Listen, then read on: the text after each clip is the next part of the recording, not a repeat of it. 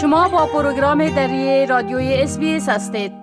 حال جاوید روستاپور خبرنگار پروگرام دری در کابل درباره تازه ترین رویدادها در افغانستان معلومات میتن آقای روستاپور سلام عرض می کنم خب اولتر از همه گفته میشه که با جلو تظاهرات در پنجشیر گرفتن که این تظاهرات به خاطر ادعای کشته شدن یک شخص در زیر شکنجه از طرف طالبا بوده بله؟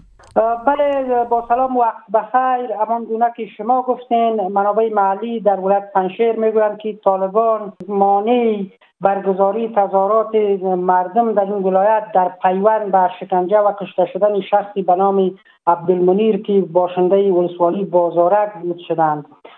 روزنامه اطلاعات روز به نقل از یک منبع محلی از ولایت پنشیر گزارش کرده که روز جمعه مردم قبل از خاکسپاری جنازه عبدالمنیر می‌خواستند تظاهرات را اندازی کنند اما رولای شاملنگ معاون والی طالبان برای پنشیر خود را زودتر به سایه تجمع مردم رسانده و مانع برگزاری تظاهرات شده. به گفته منبع نیروهای طالبان رای را را محاصره کرده و مردم را رایی که مردم می‌خواستند تظاهرات کنند این را محاصره کرده چهار اطراف مردم را گرفتن و و مردم گفتند که شما تظاهرات نکنین حق اعتراض را ندارین. فقط ما امی عرفای شما را شکایت شما را به کمیته نظامی خود میرسانیم تا عامل شکنجه و قتل شخصی به نام عبدالمنی را به دادگاه بسپارند.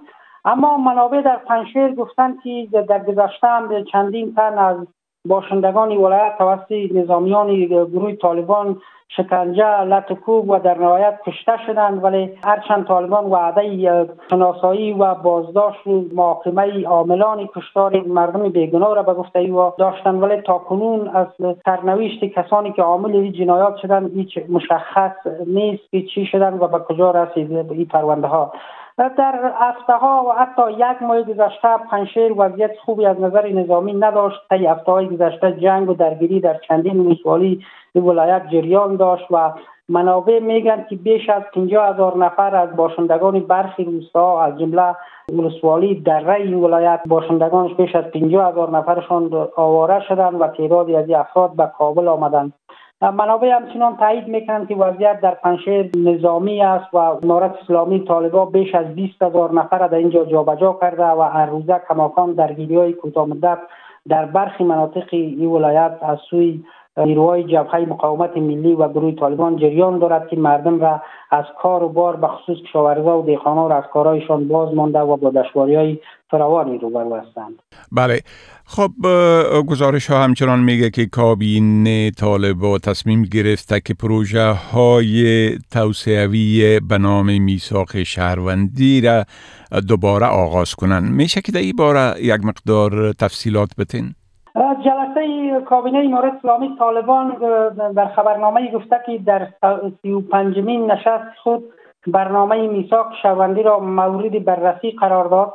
آژانس خبری باختر که آژانس دولتی به نقل از دفتر مطبوعاتی ریاست الوزرا گفته که کابینه به کمیسیون اقتصادی وظیفه سپرده تا سرنوشت برنامه میثاق شهروندی را مشخص مشخص بسازد. به اساس فیصله کابینه کمیسیون اقتصادی موظف شده تا وضعیت کنونی برنامه میثاق شهروندی را با کارشناسان اقتصادی به گونه جانبه مورد غور بررسی قرار داده و گزارش آن را به نشست بعدی کابینه ارائه کند. قابل ذکر است که برنامه میثاق شهروندی بزرگترین برنامه در عرصه باسازی در دولت اشرف غنی بود که بیشتر در روستاها فعالیت داشت و بیشتر پروژه عمرانی و زیربنایی را از قبیل سرک شفاخانه مکتب این را میساخت و عمدتا پول و مصارف برنامه از طرف بانک جهانی بانک انکشاف آسیایی و کشورهای کمک کننده پرداخت می‌شد که از جمله یو هم بخش کلانی از همکار مالی این برنامه بود. اما به باور آقایان اقتصادی در وضعیت کنونی که طالبان روابطشان با دنیا قطع است هیچ و کمکی به افغانستان صورت نمی‌گیرد این بخشا. و طالبا با مشکلات بسیار جدی مالی دست پنجه نرم می‌کنند. از سرگیری این برنامه در سراسر افغانستان کاری بسیار دشوار و حتی برای طالبان در این وضعیت ناممکن است. بله. خب گفتم میشه که معلولان هم به خاطر عدم پرداخت معاششان اعتراضات را راه اندازی کردن. بله. دقیقا برخی معلولان در کابل از آنچه که نگرفتن تنخواهشان عنوان می‌کنن شکایت دارن و میگن که هرچند بودجه سال جاری اجری خورشیدی از سوی امارت اسلامی طالبان هم تصویب شده اما از پرداخت معاش آنان هنوز خبر نیست.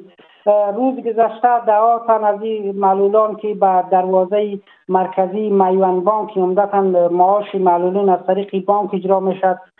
تجمع کرده بودند و یا در اینجا می‌گفتند که اکثر آنان ناناور خانوادهایشان هستند. ولی پس از تسلط امارت اسلامی بر افغانستان تا کنون یا معاش نگرفتند که در وضعیت بسیار بدی اقتصادی قرار دارند. در همین حال وزارت شهدا و معلولین هم گفته که قراری که اینا راپوردهی کردن و کارا را بررسی کردن. ان قریب معاش معلولان پرداخت خواهد شد. و گفتن که به دلیل از که تعداد زیادی در معلولان خیالی در این وزارت وجود داشت و به از در دولت گذشته پول از دولت گرفته می‌شد اینا تا که اسناد و مدارکی از را بررسی کردن دقیق کردن و تعداد معلولان خیالی را از جدولی که معاشات اجرا می‌شد بیرون کردن زمان گرفت و به زودی معاش این معلولان پرداخت خواهد شد. اما معلولان میگن که هر روزه به دروازه وزارت شهدا و معلولین میرن امروز فردا کرده مسئولان این وزارت ولی از معاشات از خبر نیست. گفتنی است که افغانستان یکی از کشورهایی است که بیشتر معلول را دارد و هرچند آمار دقیقی از معلولان در دسترس نیست ولی وزارت شهدا و معلولین گفته که بیش از 450 هزار معلول در این وزارت ثبت بودند که به گفته وزارت بیش از 100 هزار از این خیالی بودند و اینا از لیستی که معاش به نامشان حواله می‌شد حذف شدند. بله خب بسیار تشکر از این معلوماتتان و فعلا شما را به خدا می سپارم و روز خوش برتان آرزو می کنم وقت شما هم خوش خدا نگهدارتان می خواهید این گناه گزارش ها را بیشتر بشنوید؟